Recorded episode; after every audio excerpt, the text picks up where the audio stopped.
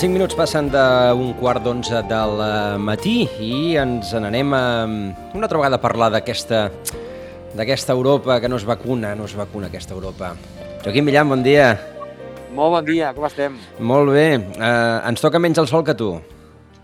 Bueno, una miqueta, no? Avui ja que el temps ha començat a canviar, que també ho agraïm, eh? i esperem que això que comentaves tu ara, les vacunes arribin aviat, ens puguem vacunar mínimament un percentatge de la població suficient com perquè puguem estar una mica més alliberats d'aquestes restriccions i tornem a certa normalitat, que també és agraït ja que arriba el bon temps i, i dintre de dos o tres mesos hi ha l'estiu aquí al costat. Um, per cert, vostès no el poden veure, però Joaquim Millan avui ens porta una mascareta amb la, amb la bandera europea. No sé si és el millor dia per lluir-la, eh, Quim? Bueno, intentem que, eh, allò que deies, el mal tiempo buena cara, doncs pues això. Bueno, escolta'm una cosa. Uh, una, una nova hora d'Europa, hem de parlar, no sé, parlarem del, del Next Generation, parlarem d'aquest de, de, desgavell de, de les vacunes, perquè, perquè a veure, a veure què ens passa i fins i tot ja ens apuntes això al comiat de Merkel, aquest cap de setmana que hi havia, que hi havia eleccions a, a dues lans alemanys i que es veu que, que no li ha anat gaire bé la CDU, però bé, eh, coses per, per anar comentant. I saludem, eh, saludem un col·lega, podríem dir, perquè eh, saludem a Lluís Rodríguez, que és el responsable del programa Connexió Europa del Prat Ràdio, que és un altre dels programes amb els que col·labora també en Quim, i que, i que bé, que bé, intentem així difondre suposo que d'una manera crítica i, i no gaire espessa, l'actualitat europea eh, a través de les, de les zones de la, de la ràdio local. Lluís Rodríguez, bon dia. Què tal? Bon dia. Uh... Sí, sí, tal qual ho has dit una mica, eh? és una miqueta això, no? Fer, fer un programa sobre Europa en una ràdio local uh, té, té un punt que tot ens queda molt lluny, no, Lluís? Entre cometes, perquè en realitat tot el que es decideix, això ja ho haureu parlat segurament vosaltres, i amb el Joaquim, de fet, que el tenim aquí explotat entre tu i jo també, mm. els nostres respectius programes, doncs eh, així és, però en qualsevol cas, eh, bé, anem fent, anem fent. És a dir, a, a cap de la fi, eh, tot el que es decideix a Brussel·les o pràcticament moltes de les polítiques que es decideixen a Brussel·les al final ens acaben afectant el nostre dia a dia, al conjunt de l'Estat i també, doncs, evidentment, als nostres municipis. Escolta, ja que, ja, ja que tenim algú sí, que, que, que toca ràdio local com, com nosaltres, eh, hi ha interès pels temes europeus, eh, diguem, en el nostre àmbit? complicat, és complicat, però mira, per exemple, la setmana que ve, ara que feia referència, feies de col·lació el tema de, dels fons europeus, de fet, la, la setmana que ve hi haurà una jornada aquí a de Llobregat uh, per parlar uh, i per apropar el que signifiquen aquests fons europeus i que de fet és un tema que ja vam fer nosaltres fa dues o tres setmanes aproximadament parlant precisament amb, amb el Departament d'Exteriors de la Generalitat i és una qüestió, insisteixo, que al final potser la gent eh, a poc a poc eh, es va interessant més, no tant com agradaria, crec jo, però en qualsevol cas són temes que són molt rellevants, perquè al cap de la fi, és que insisteixo, ens afecten dia rere dia. Uh -huh. No sé si és que ara el Joaquim si no ja em corregirà, però no, no sé si un 60 o un 70% de les polítiques eh, doncs, que es decideixen en la Unió Europea després, al final, representen una transposició a lleis nacionals. Bueno, hi ha, hi ha un estudi que va encarregar el Bundestag eh, alemany que parla de fins i tot un 80%, perquè hi ha polítiques que, malgrat eh, indirectament les mm. estem aplicant a altres àmbits, com pot ser el local, eh, directament venen, eh, d'alguna manera, condicionades per decisions preses prèviament a Brussel·les. Per tant, vull dir, entre les directes i indirectes estem parlant de quasi bé un 80% de l'impacte legal que rebem a eh, qualsevol ciutadà i ciutadana de la Unió Europea al seu dia, ve condicionat per aquestes decisions que s'han pres a, a les diverses institucions de Brussel·les. Uh -huh. De fet, això ho veurem ara uh, properament, de fet ja ho estem començant a veure, ara que també parlàveu, per exemple, de, doncs, el Next Generation EU, recordem que a més uh, doncs, eh, s'han de complir amb una sèrie de, de percentatges i un 37%, per exemple, de les inversions, recordem que han de ser destinades a la transició ecològica i això, evidentment, doncs, marcarà, evidentment, aquesta agenda verda europea de la qual doncs, hem estat parlant també en els darrers mesos i que ja comença a ser una realitat. Recordem que, de fet, uh, i aquí hi ha aquest compromís a nivell institucional europeu de reduir en 10 anys i el rellotge ha començat a, a correjar, per entendre'ns, aquestes doncs, emissions de CO2, etc. És a dir, són una sèrie de polítiques que, que, que això, que ens, que ens, que ens han de marcar uh, també una miqueta cap a on vol anar. No estem parlant eh, molt, penso, de, de, de futur eh, sí. amb, el, amb el Net Generation, eh, que, que és un futur molt present, però no deixa de ser un futur quan no sabem gestionar una cosa doncs, més bàsica com, com repartir, repartir dosis de vacunes. Aquí, endavant, torna a tu.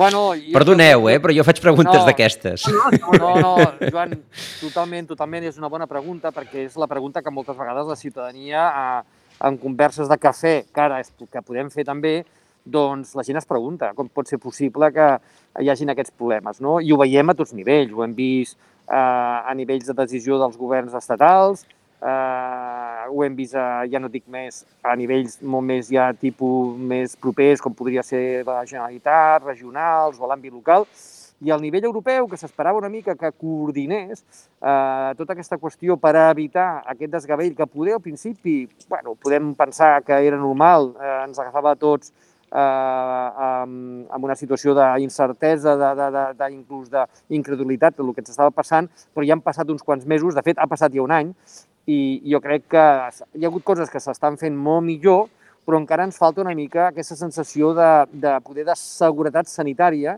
que la Unió Europea hauria d'alguna manera eh, traslladar a la ciutadania. I poder aquestes problemàtiques que tenim darrerament amb les vacunes eh, doncs fan que, que encara ens generi una mica eh, allò d'aquella sensació una mica de, de, de preguntar-nos estem amb les bones mans, estem les, amb les mans adequades o no, no?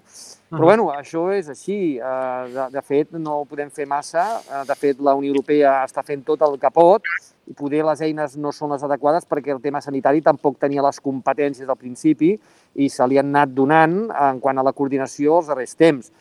I també és veritat que hem accelerat el tema de les vacunes sense donar-los els temps i els marges que amb una vacuna normal abans de la pandèmia es donava. I, Mm. per tant, s'ha tingut que córrer molt i, i, bueno, i a vegades quan corres també eh, tens aquests problemes no? de desajustos, no? de, de començar a vacunar sense saber si les vacunes arribarien eh, en el timing que s'havien eh, programat. No? Jo faré una miqueta d'advocat del diable perquè, en realitat, eh, malgrat totes aquestes doncs, problemàtiques que hi ha amb el, amb el subministrament per part de, de la Unió Europea, sí que hem vist un, una resposta crec que hem passat, de, en aquest any de pandèmia, hem passat de la descoordinació que assenyalava el Joaquim, inicial i força criticable, perquè en realitat tothom s'esperava i tothom preguntava on és la Unió Europea, on és la Unió Europea, que també sembla que ens en recordem de la Unió Europea en moments crítics i després ja ens oblidem, però Correcte. hem passat aquesta descoordinació inicial que va haver al principi, amb els estats membres tancant les seves fronteres, amb tal, i al final eh, doncs ha vingut la comissió, va fotre un cop de puny a, a, a la taula per entendre'ns i al final va doncs, fer un toc d'alerta. Després vam trigar encara, perquè ja sabeu que la Unió Europea doncs, avança, però avança molt lentament i, per tant, la resposta sempre és molt lenta, però en qualsevol cas voldria fer d'advocat del diable perquè jo crec que també cal posar en valor doncs, al final aquesta compra i aquesta, i, i evidentment amb tots els problemes, eh? no cal deixar de ser crític, amb tots els problemes que hi ha hagut de subministrament de les vacunes, però en qualsevol cas la compra ha vingut per part al final de les institucions comunitàries. És a dir, imaginem què faríem si no els, els estats membres per separat uh, i a l'hora doncs, de, de fer això, una compra gran de, de vacunes i la seva distribució. Jo crec que seria encara estaríem, encara estaríem en percentatges molt més baixos de vacunació respecte als, evidentment, que tenim encara, que són molt baixos uh, en l'actualitat. No, totalment d'acord. Això és el cost, sempre que diem, eh, quan hi ha un problema d'aquests, eh, perdona, Joan, és el cost de la no Europa. És a dir, l'Euro- Europa poder, voldrien que funcionés millor. Amb aquest tema és veritat que va començar malament, ha anat millorant, però també és veritat que el cost de la no Europa seria encara un desgavell encara més gran. Mhm. Uh, Se'ns ha afegit en aquest moment uh, Xavier Ferrer, que és un dels nostres tertulians habituals. Uh, Xavier Ferrer, bon dia. Bon dia. Pa- Parlàvem de vacunes, parlàvem de vacunes, que, Bueno, que és un... en podem... Que- Jo, quasi que diria que tornem a parlar al setembre a veure si és veritat que estem al 70% vacunats. Això. Aquest és, aquest és el, el repte, no? És que, és que a partir, a partir del, que, del que comentava en Lluís a, a, ara fa, fa un momentet, eh, és cert que, que, que probablement doncs, i en Joaquim també, eh, sense, sense aquesta coordinació europea de, en la compra de vacunes, la cosa hagués anat molt diferent, segurament, però clar, el que hem vist aquesta setmana ha estat, eh, eh, em, diguem, eh, la inversa, que els estats han decidit deixar de vacunar malgrat als consells de, de l'Agència Europea del Medicament, que demà em sembla que, ha d'acabar dient si finalment ho dona per bo o no dona per bo la vacunació d'AstraZeneca, hi ha qui malfia de que si ara aquesta setmana eh, Europa ha pagat 120 milions a Pfizer per comprar-li les vacunes que ha deixat de posar durant aquesta setmana eh, per AstraZeneca, mentre ja en va pagar 20 per les que té emmagatzemades d'AstraZeneca. Aleshores arriba un punt, i clar, llavors d'on és Pfizer? Té matriu Alemanya. Oi, d'on és Astra? Ui, té matriu, matriu anglès. Aleshores, clar, això diguem, des del, des del punt de vista del ciutadà, pot, pot també malfiar aquest paper dels estats que la Unió Europea no, no, no ha sabut eh, imposar. He fet aquí com una, com una parrafada més que una pregunta, però a partir d'aquí que el, que, el que comenteu. Eh, Xavier, ja que, ja que us no, heu introduït jo, aquí. Jo crec, que, jo crec que en aquesta desgraciada crisi, eh, ara farà un any, sí que la Unió Europea va estar una mica descol·locada quan va, es va iniciar tota la problemàtica en l'àmbit europeu, perquè cada estat tirava pel seu cantó i fins i tot el, els italians compraven eh, productes per atendre eh, les clíniques i tal a Rússia i, i a Alemanya i tal, fins que el mes de març es va considerar que el millor era anar junts. Jo crec que és un gran encert. Aquest anar junts, eh, ja parlaré de les vacunes, però primer de l'economia,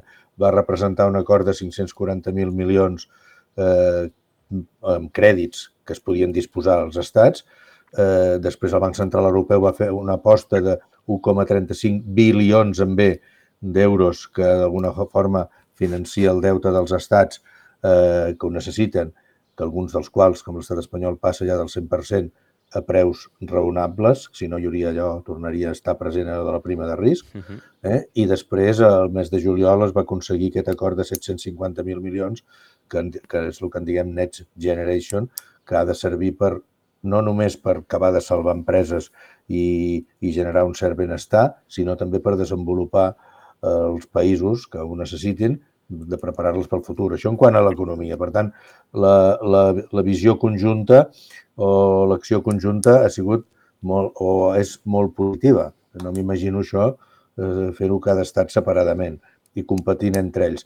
Pel que fa a les vacunes, també es va optar, eh, per mi encertadament, d'anar junts i crec que és, és lògic que amb una, amb una logística d'aquesta naturalesa a la qual es pretén vacunar el 70% de la població mundial, eh, que estem parlant de 6.000 milions de, de persones, eh, que hi hagi disfuncions, eh, fins i tot, eh, per, desgràcia, estaria molt bé que no n'hi hagués, no? però ho veig fins i tot lògic. N'hi hauria moltes més, estic completament segur, si no hagués anat junts i si, i si l'estat espanyol n'és per un cantó. I és veritat que Àustria i algun altre estat ha fet aquest acord amb Israel. En fi, tot això entra, jo crec, dintre de la, de la, de la gestió de, de la immediatesa, no? I, i, i d'aquesta que tothom vol, vol ser el primer en vacunar-se, però penso que, que tot i les disfuncions que hi ha, eh, és molt encertat que s'hagi fet en l'àmbit europeu eh, una visió o una gestió conjunta. Estem parlant, fixeu-vos, eh, només de, de, de 450 milions d'habitants, eh, eh, que només que som el 5% de la població mundial.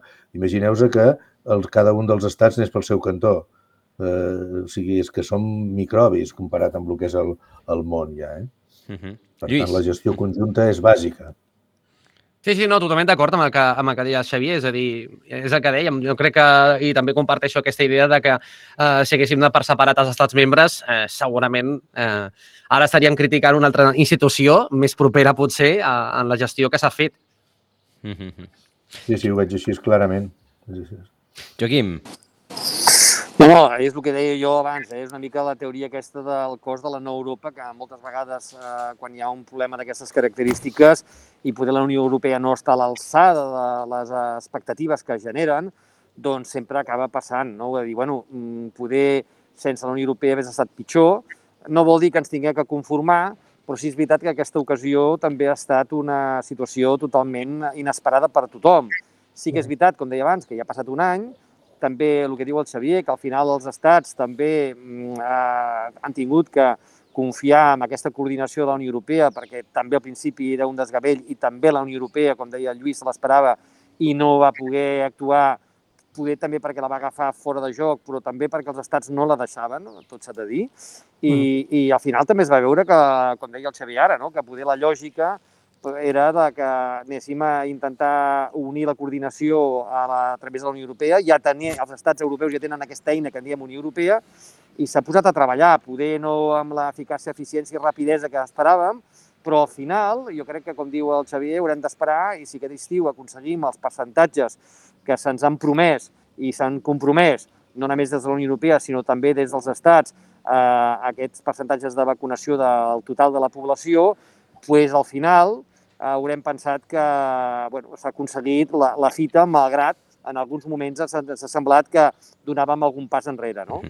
Però eh, la Unió Europea i els estats eh, corregiran espectacles com el d'aquesta setmana? És a dir, eh, que els estats unilateralment prenguin aquest, aquest tipus de decisions que aleshores motivi que hagi de venir l'autoritat la, sanitària després a corregir-los, potser, perquè en principi tot sembla indicar que demà seran corregits aquests estats que han decidit mm, per les raons que siguin i fins i tot si aquestes raons poden arribar a ser polítiques i no, i no sanitàries. Eh, tot plegat, mm, malgrat el que, el, que, el que esteu comentant, pot generar un cert desgavell per la, per la, una imatge de desgavell per la, per la ciutadania, de dir, escolti, de, de debò que, que cal donar totes aquestes voltes per acabar en el, en el punt que ja sabem que, que hem d'acabar. Veig que en, en Xavier té ganes de contestar-me.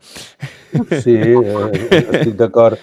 Estic d'acord. Mira, hi afegiria una, una consideració a la que has fet. Has dit que, que aquest desgavell que, que la ciutadania podria veure per, que, que, que alguna actuació d'alguns estats pugui ser per qüestions hasta polítiques. No, no, polítiques i econòmiques eh? que, que li interessa més que funcioni una, una farmacèutica que una altra. No? Correcte. Val.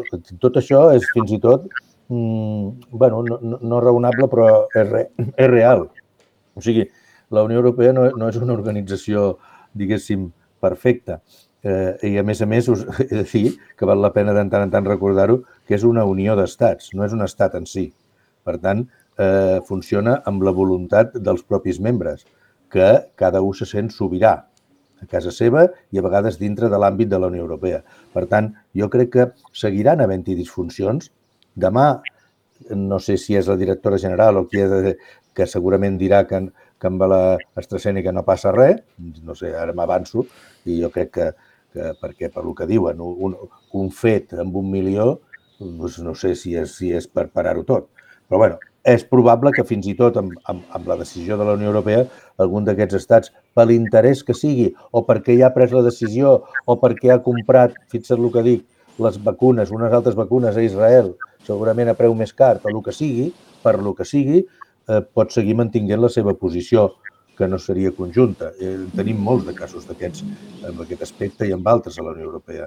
El tema és que, que el vaixell Unió Europea vagi, vagi avançant i a vegades també el que hem de tenir en compte és que, que, bé, no, que, que tot això ho sabem, ho sabem perquè ja eh, es pot millorar també. De fet, ara hi ha una conferència eh, per al futur de la Unió Europea que la ciutadania podrà aportar per millorar per millorar la Unió Europea, però tenim una certa democràcia que fa que totes aquestes coses que estem parlant se sàpiguen. En altres, en altres àmbits no se sàpiga, no se sap i sembla que tot va perfecte. I una mica agafant les paraules que, que venia a dir el Quim, si l'ha interpretat bé, que, home, des de dintre de la Unió Europea el que hem de fer és millorar i criticar-ho per millorar-ho, però eh, a vegades és més ben vista des de fora que des de dins. Eh? Per tant, no, no, no, no la trenquem. No, o sigui, que la, millorem-la, però, però jo crec que està ben orientat, això. Agafant el fil que deia el Xavier, de fet és que aquestes divergències són habituals des de l'inici de, de tot el que és el projecte europeu i fins i tot avui i encara continuaran perquè hi ha aquesta doncs, eh, doncs, eh, doble força, no? D'una banda, més eh, una Unió Europea més, o sigui, una política molt més supranacional i després les polítiques i les sobiranies nacionals que sempre estan allà doncs, com lluitant, no? I en aquest cas, a més, encara més raó, perquè Recordem que la salut és una competència que no s'ha traspassat a la Unió Europea, tot i que hi hagi aquest programa de UE per la salut que volen impulsar i reforçar els sistemes sanitaris i tot plegat eh, per part de les institucions comunitàries als estats membres, però els estats membres són els que tenen les competències. O en el cas, per exemple, nostre, en el cas aquí de Catalunya, és que les, són les regions les que tenen la, la competència en matèria de salut i, per tant, doncs, és normal, podríem dir, doncs, aquesta divergència i aquesta doncs, discussió de veure doncs, qui té més eh, qui té més pes, no? qui té més força. En aquesta bat batalla podríem dir eh? que, que, que segueix aquesta lògica europea des de l'inici del, del que és el projecte comunitari. Veurem què és el que diu en tot cas demà l'AEMA, l'Agència Europea del Medicament. Jo només volia recordar que igualment ja sortien dades respecte doncs, a, al Regne Unit, eh, de com la vacuna d'AstraZeneca ha, doncs el cas dels, dels trombos que, que són els que han generat tota aquesta polèmica, doncs suposaven un 0,006% eh, 0,0006% de totes les vacunes que han posat. Per tant, també aquesta crida a la calma de que, bé, veurem a veure què és el que diu demà l'Agència Europea del Medicament, que segurament, i jo crec que li tocarà el crustó en tot cas a aquests membres com Espanya que han decidit suspendre de forma temporal. Per precaució, segurament, i per tant també doncs, eh, està bé que es faci d'aquesta manera, però potser doncs, no pot ser amb arguments científics, com bé apuntàveu. -hmm. bueno, i, i, i això també passa amb altres vacunes. Eh? Ara perquè estem parlant de la vacuna aquesta del Covid, que és la que està als mitjans de comunicació, perquè la gent és la que té en aquests moments al cap i és la que vol saber, però si miréssim altres vacunes no són 100%, absolutament 100% eh, eficaces i eficients sense generar cap eh, situació eh, diguem-ne, eh, accessòria per ningú, perquè depenem també de moltes persones que, podem haver donat, el teu metabolisme eh, és diferent. Si ara féssim un estudi de totes les vacunes, també ens trobaríem amb percentatges, de, que diu el Lluís, del 0,00 no sé què, que amb fulanito tal o menganita de qual no li ha funcionat o li ha bé o li ha provocat alguna situació adversa. I, i això és, també és una realitat, però bueno, ara estem parlant de la del Covid i és la que a tothom li interessa saber. Mm. Escolteu, ja, surt, ja ha sortit en més d'algun moment d'aquesta conversa aquests famosos fons, aquest pla de, de recuperació europea Next Generation eh, UE, i que, bé, que, que ens hem de repartir, però que, com comentava al principi de la, de la conversa també en Lluís, eh, doncs ara és l'hora de fer la carta als Reis i, i aleshores doncs, ja, ja anirà arribant. Clar, eh, estem veient que a la carta als Reis doncs, entren infraestructures eh, ferroviàries per la meseta. A la carta als Reis ahir Volkswagen deia que es necessitava 2.400 milions, em sembla que eren, eh, per reconvertir la, la, la Seat de Martorell. Eh, clar, aquí no sé si, si hi haurà massa cartes als Reis mm, per, per gestionar uh, aquests fons, que per molt grans que siguin, sempre hi haurà algun zero de més, oi? Eh, Xavier... Aquí també cartes Reis, eh, per cert, que també s'han demanat o es volen demanar també per, eh, doncs, per aquestes inversions que caldria fer al Delta del Llobregat. Veus? És a dir, no, i, i, que, i que tothom, tothom té dret, té dret a demanar-lo. El que passa és que, clar, eh, i això ja li preguntem a un economista, eh, quan hi ha tantes, tantes cartes a sobre la taula i tants zeros a sobre la taula, encara que n'hagis de repartir molts, mm, anava a dir, com, com s'ho farà la Unió per, per prioritzar-ho, això?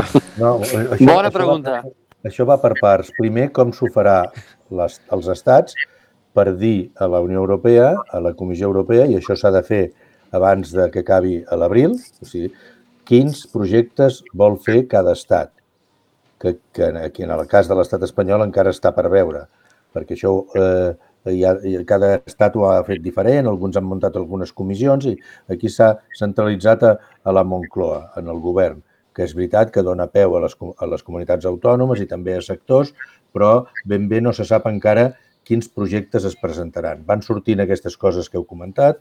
La Generalitat va fer una proposta de 27 eh, grans línies de sectors eh, per un valor de 47.000 milions, que consideren que és el que li correspondria si es vol fer bé dels 140.000, però aquí jo, encara hi ha una prèvia. El primer que hauríem de fer i és eh, a nivell de, de, de l'estat espanyol, en aquest cas, és de fer uns projectes que siguin viables amb el sentit de la gestió, perquè molts fons europeus que han arribat no s'han utilitzat i no li han donat importància. Però, o sigui, podria donar-se el cas que, que si seguim les tòniques de, de, de fins ara, dels 70.000 milions d'aquests 140 que ens arriben, per entendre'ns, gratis, eh, que jo el que tinc entès és, de moment, els que vol utilitzar l'Estat, no parla, parlen de 140, però diu primer utilitzarem aquests 70.000 eh, milions, que sapiguem gastar-los, aplicar-los bé, perquè la diferència és que el, amb abans, amb els altres fons, és que els, el que presenti la, cada un dels estats, la Comissió Europea ho validarà i dirà, val, i estic d'acord. I després seguirà que realment això que s'ha que s'ha aprovat es fa, cosa que no passava abans, que permetia fer aves o el que sigui. No? Sempre la filosofia era eh, de, de que es desenvolupessin les, les, les zones, eh, les, les, les fessin més, diguem, que, autònomes i productives. Però el Next Generation el que està dient, us facilitem uns diners, una, una de les parts gratis, per fer front a la pandèmia, però també en el, eh, a modernitzar l'economia perquè sigui viable en el futur. Una mica dient, i no ens, que no hagi de passar mai més això, d'haver d'ajudar, fora que sigui una crisi inesperada, bueno, que aquesta ho és, no? Per tant, llavors també tots aquests projectes han d'anar orientats, per això et surt això de les bateries i, coses, i tal, de eh, sostenibilitat amb un 37% i a noves tecnologies amb un 20%. I, i després també a nivell d'estat espanyol, i aquí està també el dubte i que es genera des de moltes comunitats autònomes i també, com sap el, el Quim Millan, també de molts municipis, de que no senten prou representats, de que projectes que podrien ser d'àmbit municipal, no? De, de, de, doncs no, avui per avui encara no se sap si es tindran en compte o si es presentaran a Brussel·les. Jo una mica des d'un punt de vista, diguem, econòmic, primer, per ordre, és fer els projectes que realment ens ho gastem, això, i que ho apliquem bé, i que s'apliqui en els sectors i a les zones que més ho necessiti en l'àmbit de l'estat espanyol. I després una altra cosa és que també el posar aquesta frontera de que evidentment entenc que s'ha de posar algunes línies no? de, de que se faci a nivell d'estat, no hauria d'això de, de limitar que hi puguin haver projectes que englobin diversos estats. Per exemple, projectes d'Espanya i Portugal o alguns de fronterers amb, la, amb el corredor mediterrani que arriba fins a, allà on arribi de França i tal. I aquí també tinc els meus dubtes de que amb aquest, aquest egoisme que hi ha en moments de crisi, que tot es vulgui enfocar cada un dels estats, no només parlo de l'estat espanyol, amb coses internes de, del seu propi estat. Joaquim. Jo aquí interessant, de fet, és el, el que deia Xavier, que és aquest seguiment que es farà, crec que és cada sis mesos que la comissió doncs, farà aquest seguiment de totes les inversions que es facin, perquè ja ho hem vist, no? doncs, amb els FEDER, amb els fons estructurals, doncs, que en molts casos, i de fet la política va anar canviant al llarg dels anys, perquè al final va acabar obligant els estats a fer-se corresponsables d'aquells projectes, perquè després doncs, s'invertien en, doncs, en projectes, com ja apuntava Xavier, que després doncs, eh, és eh, dubtar, eh, bueno, genera certs dubtes, si més no, doncs, als seus resultats. També hem de tenir en compte una cosa, eh, d'aquest doncs, paquet d'inversió hi ha molts eh, projectes, en el cas concret d'Espanya, més enllà del que és la transició ecològica, el que és la transició eh, digital, que són els, els projectes concrets que van destinats a Espanya i que eh, segueixen el que, el que el semestre europeu li va doncs, encomanar, hi ha una cosa molt important que jo voldria remarcar, que és eh, polítiques vinculades amb el tema de les sancions, però molt important també el tema vinculat amb, amb les polítiques eh, doncs, per combatre l'atur juvenil. Recordem que Espanya és el primer estat i en alguna, en, alguna, en alguna cosa hauríem de guanyar, no? En, doncs és amb atur juvenil, que és el 40% segons dades del passat mes de febrer, si no m'ha xerrat. Um, clar, aquestes polítiques també, a vegades amb els fons FEDER ho hem vist, que són polítiques que són com molt invisibles, perquè al final no, no es pot veure i es pot analitzar en un temps eh, molt curt de, de temps doncs, eh, si, si ha tingut èxit o no ha tingut èxit. I d'altra banda, també m'agradaria destacar, i aquest faré un altre cop d'advocat del diable, si em permeteu, doncs que la resposta que hi ha hagut respecte a aquests fons eh, és una resposta sense precedents. Tothom tenim al cap encara la crisi de, de, de l'any 2008 i la resposta que hi havia a nivell europeu, que va ser nefasta. I aquí sí que doncs, cal ser crític. La resposta del 2008 de, de, per part de la Unió Europea, de les institucions europees, pujant als estats del sud, especialment Grècia, eh, després amb, els, amb els rescats i tot plegat, la resposta va ser doncs, vista molt amb la que tenim ara doncs, amb aquests fons estructurals que Totalment d'acord tant amb el Xavier com amb el Lluís i jo penso que eh, els dos eh, han dit el mateix. No? Jo crec que, un, eh, tenim una oportunitat històrica històrica, els fons que ens arribaran són històrics, mai havia arribat tants diners. Dos, s'han de saber gestionar. Malauradament, els últims temps eh, no, ho hem fet millor, però no, no, no, aviam, no som dels millors de la classe en saber gestionar bé aquests fons. Tres, és molt important no només gestionar-los bé, sinó que realment siguin pels objectius que s'han marcat. Jo crec que aquí tenim una oportunitat eh, eh, i un repte de realment utilitzar-los per transformar eh, veritablement la nostra economia eh, i també la nostra societat. Tres, s'ha de ser generós. Penso que aquí entre, eh, no podem caure amb què hi de lo mío. És allò de tant, eh? Allò de, bueno, vale, molt bé, eh, què és el que em toca a mi? Què hi de lo mío? Bueno, què hi de lo mío per fer què? Jo crec que en aquests moments això també, eh, aquesta generositat de, de que poder les comunitats o inclús els municipis agrupats, jo penso que també aquí generem una nova cosa que és des de l'àmbit local, eh, que s'està treballant moltíssim, això jo ho sé perfectament i el Lluís ho sap perfectament eh, en, el Prat i, per exemple, tot el que és eh, el Baix Llobregat, l'AMB, la Diputació de Barcelona, etc. S'estan movent moltíssim, eh, a banda de la Generalitat, però també aquestes administracions locals s'estan movent moltíssim per agrupar projectes que d'alguna manera englobin eh, objectius i prioritats eh, compartides en el territori, perquè el que no pot ser és eh, lluitar i competir per poder, al final, un projecte de eh, 100.000 euros, no? que està molt bé, eh? que està molt bé, però no serem competitius en el marc d'aquests fons del Next Generation European Union. Després hem de pensar que també tenim els altres dos tipus de fons que seguiran venint i que, a més, obren aquest any 2021.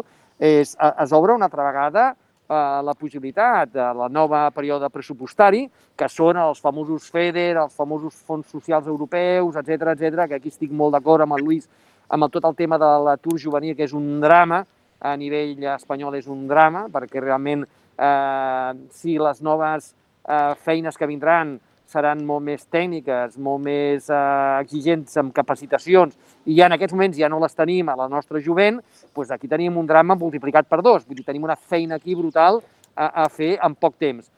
I, per tant, jo penso que també és important aquesta cooperació en l'àmbit més local, que, que sigui competitiu per poder també captar aquests tipus de fons FEDER i fons socials europeus històricament que sempre han vingut. I per últim tenim un tercer, un tercer nivell de fons, que fons també són els fons competitius, eh, els famosos LIFE, els famosos Erasmus, els famosos Horitzó 2020, ara Horitzó Europa, etc etc, que també aquí, a l'àmbit eh, local, eh, té molt a dir, i especialment en joint venture amb la, amb la part econòmica, amb la part eh, també de lo que seria l'àmbit eh, econòmic i el sector econòmic, on eh, la Unió Europea comença a exigir joint venture entre l'administració pública i el sector econòmic e inclús incorporar a l'àmbit universitari amb la recerca eh, i innovació. Jo crec que si som capaços de fer tot això, que aquí tenim els dubtes, hem de ser capaços i, i poder eh, entre, entre nosaltres sabem que aquí tenim que fer molt de, molts deures en poc temps també, hem de ser capaços de, de poder eh, ser competitius l'estat espanyol, Catalunya i els nostres municipis en tots aquests, eh, a tots aquests fons que en aquests moments eh, es comencen a endegar pels proper període de pressupostari. Pregunta curta. Uh, aquests fons, els municipis, els veurem o tot anirà a grans projectes? No, a veure, pot anar a, a grans projectes que afectin també municipis. Eh? Per exemple, si, si es fan projectes de depuradores o de sostenibilitat, eh, eh, doncs eh, afectarà a, a línies de municipis. No és que, que sigui un projecte concret per una empresa concreta. Són el que ha de ser, per, i a més a més, si no, no acabaríem amb els, amb els... O sigui, són grans projectes, però que alguns d'aquests eh, afectaran a municipis també, però el que, com deia jo, la participació municipal és que no, no, estan, no, no, no s'hi ha comptat massa amb que les idees surtin des dels municipis, no? i, per exemple, podria haver-hi moltes coses de, de, perquè no hem de perdre de vista que en molts, repeteixo, valgui la redundància, municipis, especialment de Catalunya, l'empresa principal del municipi és el propi ajuntament, no? I, i per tant, el, és important de que, de que també es dinamitzi i s'aprofiti per modernitzar de, de, tot, fins i tot l'administració.